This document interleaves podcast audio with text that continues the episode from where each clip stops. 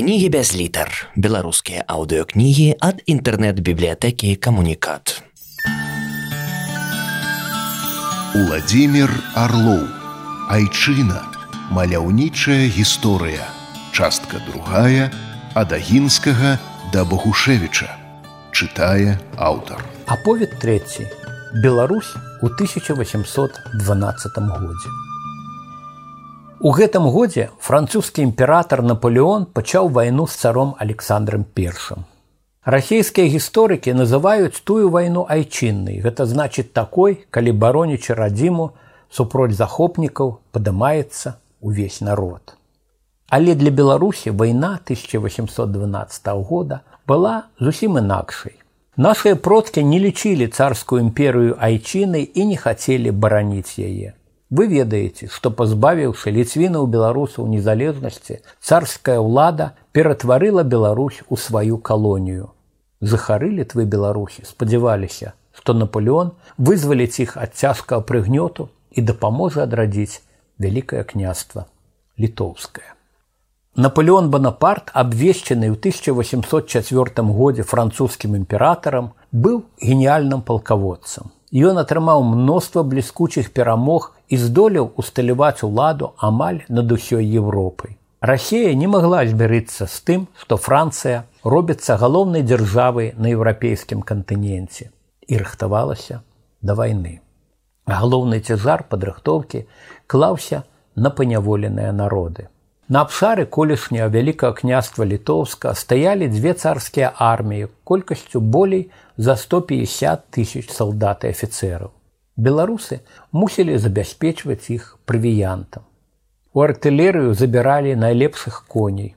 Нашмат павялічылі набор рэкрутаў, якім было наканавана служыць цару 25 гадоў.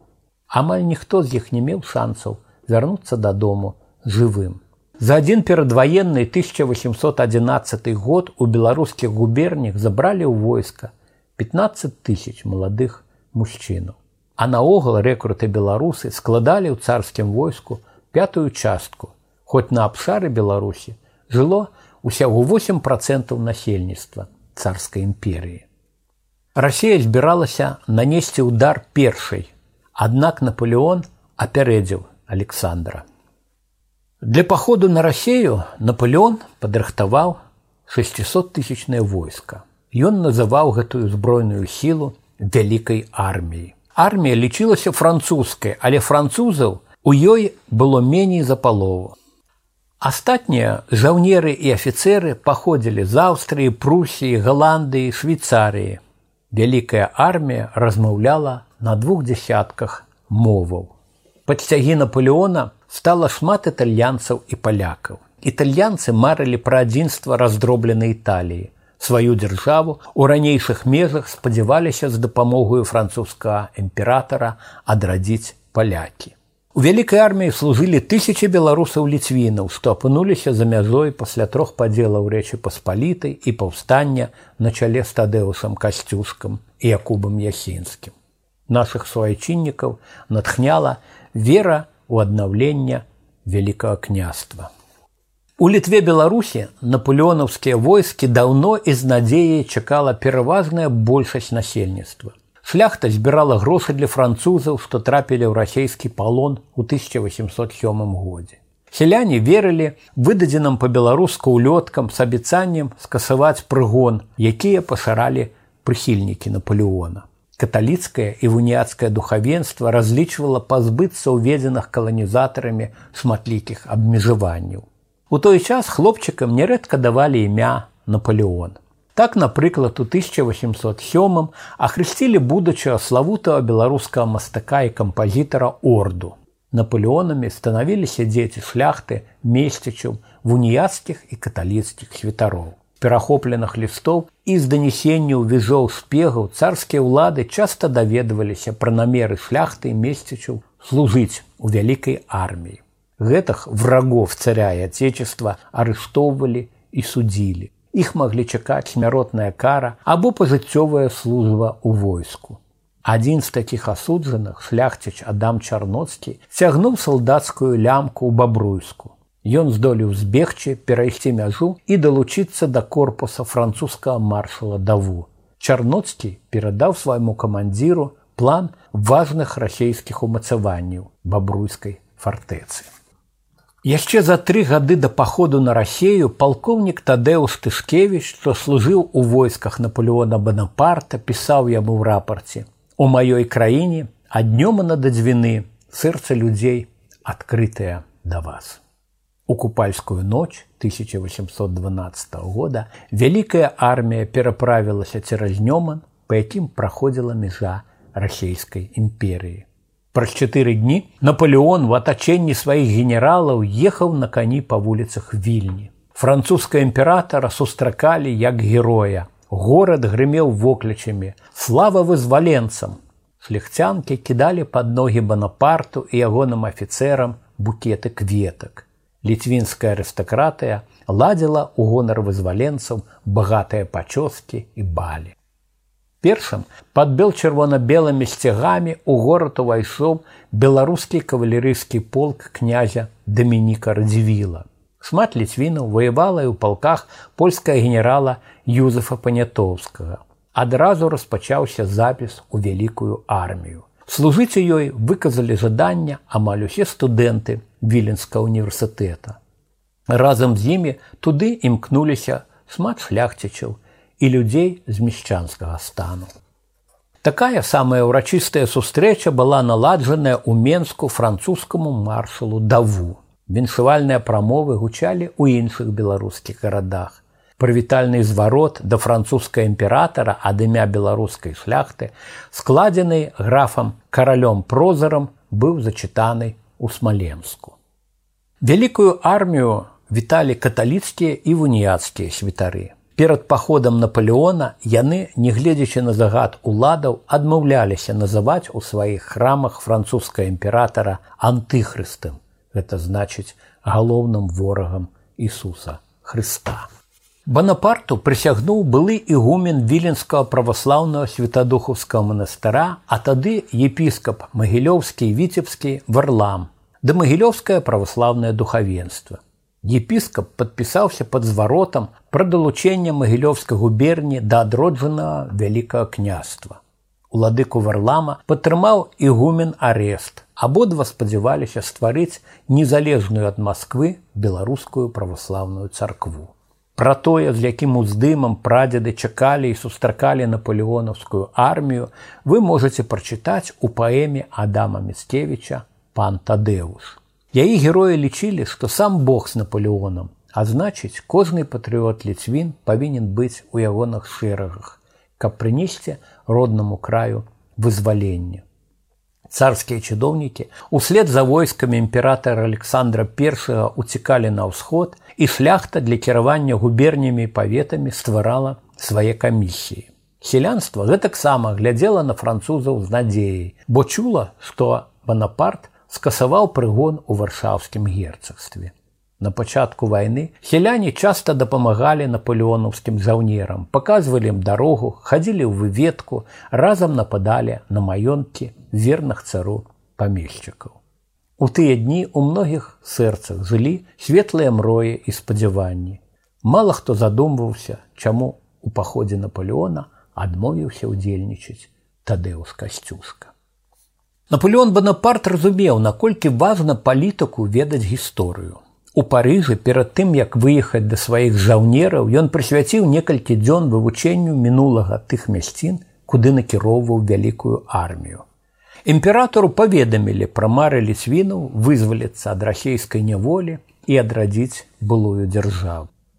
У вільні Наполеон падпісаў указ пра аднаўленне вялікага княства літоўскага з ранейшай сталіцай Княства складалася з віленскай, гарадзенскай, менскай губерняў і беластоцкай вобласці, пераіменаваных у дэпартаменты. Кожны дэпартамент меў ваеннага губернатара француза. У часовы ўрад княства ўвайшлі паважаныя асобы са славутых ліцвінскіх родаў. Александр Сапега, Францішак Ельскі, Язэп Сераковскі, кароль Прозар, Александр Патоцкі камітэт народнай асветы і рэлігіі ўзначаліў рэктар віленскага універсітэта Ян Снядэцкі. Кіраўніком урада стаў граф станіслав султан дзеля падтрымання парадку у адроджаным княстве стварылі сваю паліцыю фармаваліся ўзброеныя сілы якія сталі часткую наполеонаўскай арміі туды ахвотна ўступалі і селяне пасля шасцігадовай службы ім абяцалі вызваленне ад прыгону і зямельны надзел усе жаўнеры ліцвіны мелі на вайсковай форме кукарды з пагоняй Банапарт выдаў у вільні дэкрэт пра стварэнне з ліцвінскіх шляхцічаў добраахвотнікаў трэця кавалерыйскага палка імператарскай гвардыі. Для таго, каб зрабіцца гвардзейцам недастаткова было аднаго жадання. У наполеонаўскую гвардыю залічалі самых смелых дузах і дысцыплінаваных ваяроў, што мелі досвед баявых дзеянняў. Камандаваў трэцім уланскім палком генерал Ян Канопка родам з падслонема. Ён надзеў вайсковую форму 15гадовым юнаком, воеваў у шэрагах касцюшкаўцаў і за мужнасцю баях быў узнагароджаны пярсцёнкам з надпісам айчына свайму абаронцу. Пярсцёнак ён атрымаў з рук самога кіраўніка паўстанцаў. Як і многія ліцвіны пазней канопка апынуўся ў францыі і ўступіў в армію наполеона бонапарта. З ёю Ён прайшоў тысячи кіламетраў баявых дарог і вызначыўся ў многіх бітвах. У 1811 годзе Ян Канопка стаў генералам і кавалерам высокай вайсковай узнагароды залатого крыжа ордэна вертуці мілітары. У трэцім гвардзейскім палку служыла немало прадстаўнікоў арыстакратычных ліцвінскіх родаў: валовічаў, тышкевічаў, пуслоўскіх, ромераў, плятараў, пузынаў, але бальшыня гвардзейцаў паходзіла з дробнай і безземельнай шляхты. Да палка далучыўся эскадрон беларускіх татараў мустафы ахматовича. гвардзейцы татары здабылі славу вынаходлівых выведнікаў. Шмат беларусаў ліцвінаў несла службу і ў гвардзейскім уланскім палку генерала Вінцэнта красінскага. Наогул жа Іх у гвардыі Наполеона ў 1808-1815 годах налічвалася паўтары тысячи. Нашы суайчыннікі заўсёды вызначаліся гераізмам, захаваўшы вернасць прысязе і тады, калі наполеонаўскія войскі адышлі назад за нёман. 35 гвардзейцаў ліцвінаў пераможаны Наполеон узяў з сабой у першую высылку на востраў Эльба. Яны складалі амаль палову ганаровай эльбаўскай арміі. Пасля высадкі Банапарта на французскі бераг у сакавіку 1815 года ліцвіны беларусы ішлі в авангардзе ягона маленькага войска, якое пераможна вярнулася ў Парыж. 51 ліцвінскага гвардзейца ўзнагародзілі ордэнам ганаровага легіёна. Пяцёра атрымалі самую высокую французскую ўзнагароду двойчы а двое тройчы. Ваяры з Беларусі бралі ўдзел і в апошняй бітве Наполеона пад Ватерлоа. Пра тую цікавую старонку беларускай гісторыі вы зможаце больш прачытаць у кнізе гісторыка Владимира Лякіна ліцвіны у гвардыі Наполеона. Пры канцы аўтар змясціў 1108 адшуканых імёнаў нашых гвардзейцаў. Магчыма, сярод іх вы знойдзеце і сваіх продкаў. Цікава, што нашчадкі былых гвардзейцаў у памяць пра бацьковы дзядоў называлі дзяцей у гонар французскага імператара і ў савецкія часы. Вядомы выпадак, калі сакратар сельсавета з прысланых сюды расейцаў адмовіўся запісаць хлопчыка ў дакументах наполеонам, бо маўляў, так звалі нейкага бурзуя. Малады бацька здолеў пераканаць занадта пільнага парцейца зацвердзіць у даведцы пра нараджэнне імя Банапарт спаслаўся на тое, што яно старадаўняе мясцовае накшталт дармідонта. Наполеон разлічваў паасобку разбіць царскія арміі недалёка ад мяжы і прымусіць рассею падпісаць мір. Але генералы Александра I вырашылі не ўступаць у вырашальную бітву, пакуль не аб'яднаюць войскі. Французы ж імкнуліся сарваць гэты план каля кобрына міра паблізу вёсак гудзевічы на гарадзеншчыне салтанаўка на магілёўшчыне першых дзён вайны ішлі крывавыя баі у ліпені вялікая бітва адбылася ў наваколлі вёскі клясціцы што пад полацкам Сам полацак французы занялі без цяжкасцяў. Адсюль открываўся шлях на санкт-петербург. Тры дні на беразе ракі дрысы кіпела бітва. Расейцам усё ж удалося спыніць наступ наполеонаўскіх палкоў на Петербург.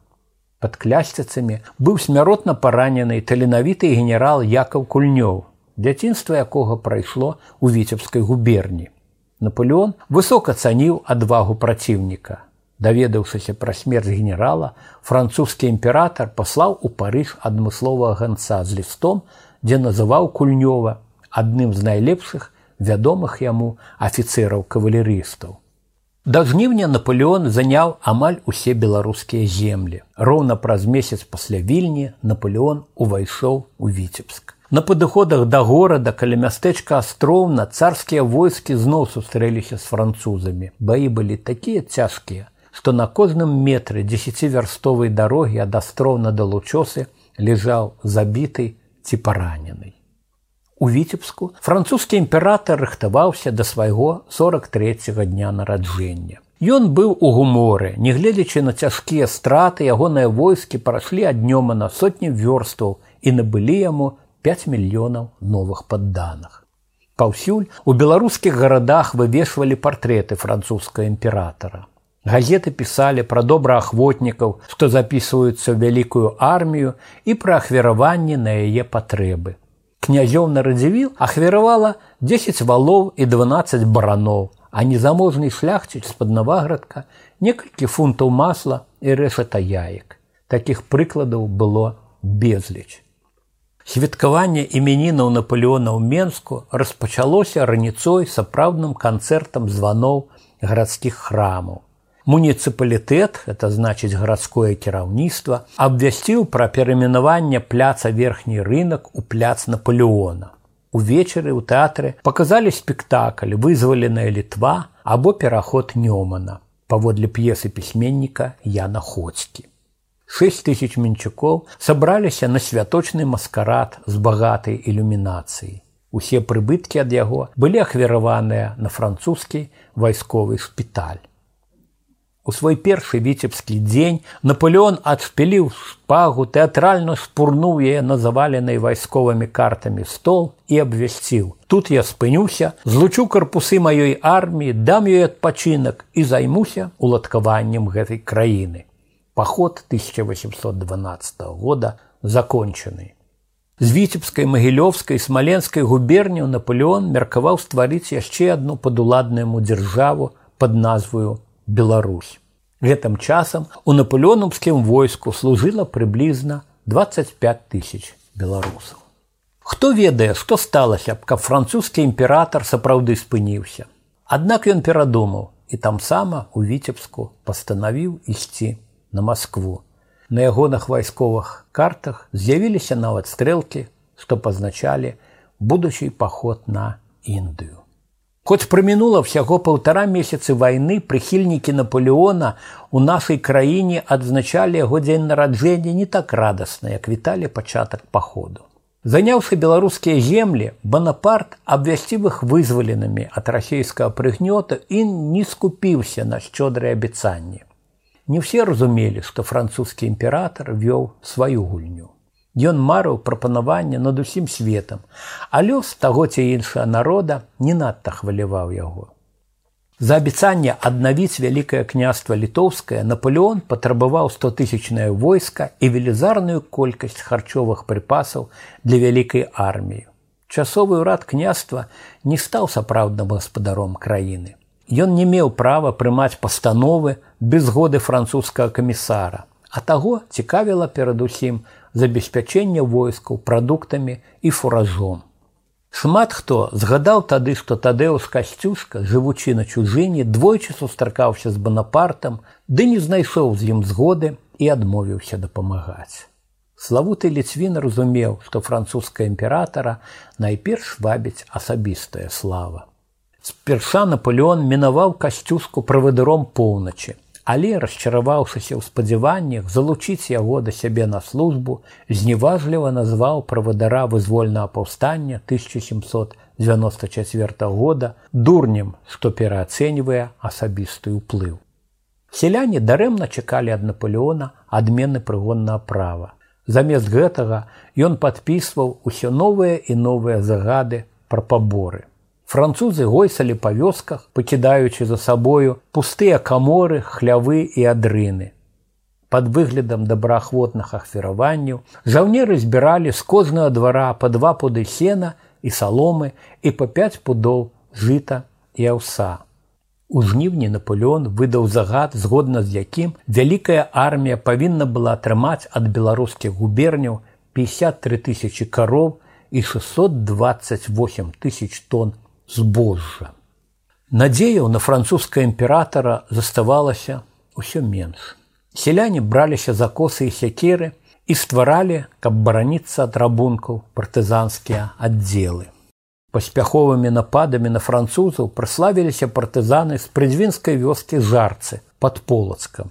Напярэдадні барадзінскай бітвы Банапарт вымушаны быў накіраваць аж на 10 тысяч жаўнераў на дапамогу 12тысячнаму віцебскаму гарнізону, які партызаны амаль што трымалі в аблозе. Ад тых часоў захавалася паданне, як у ваколіцах віцебска французскі імператор – запытаўся у бабулі сялянкі, каму і назычыць перамогі ў вайне, яму Наполеону або цару Александру. Мудрая беларуска смела і дасціпна адказала: « Хачу, каб вы загналі маскалёў так далёка, што не вярнуліся б ні яны, ні вы. У верасні каля вёскі барадзіно за 125 кіламетраў ад Масквы адбылася адна з самых буйных бітваў 19 стагоддзя. З абодвух бакоў тут сышлося 250 тысяч жаўнераў. У наполеонаўскім войску под барадзіном воевала кавалерыя Дамініка радзівіла, тысячи беларусаў добраахвотнікаў. У расійскай арміі іхнія паднявольныя землякі рэкруты. Сучаснікі тых падзей з болем пісалі, што брат мусіў ісці на брата.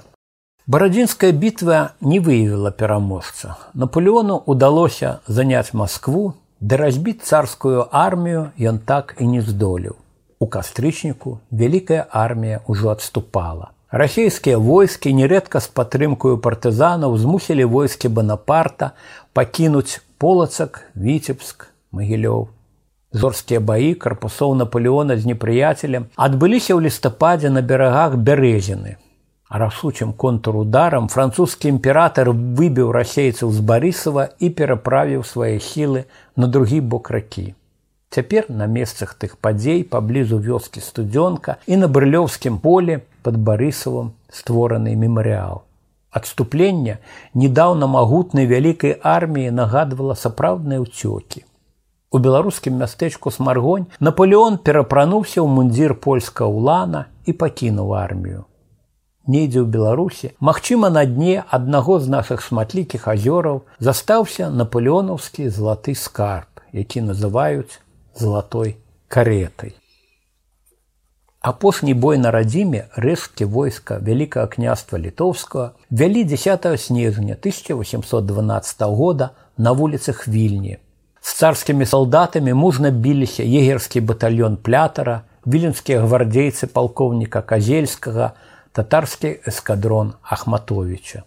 Французскі імператор паабяцаў маршалам прыдворным, што праз год прывядзе 300 тысяч жаўнераў і ўсё адно паставіць рассею на калені. Але тыя планы не здзейсніліся. Часовы ўрад вялікага княства яшчэ блізу года працаваў варшаве, кракаве і дрэздані, марна спадзяючыся, што вернецца ў вільню.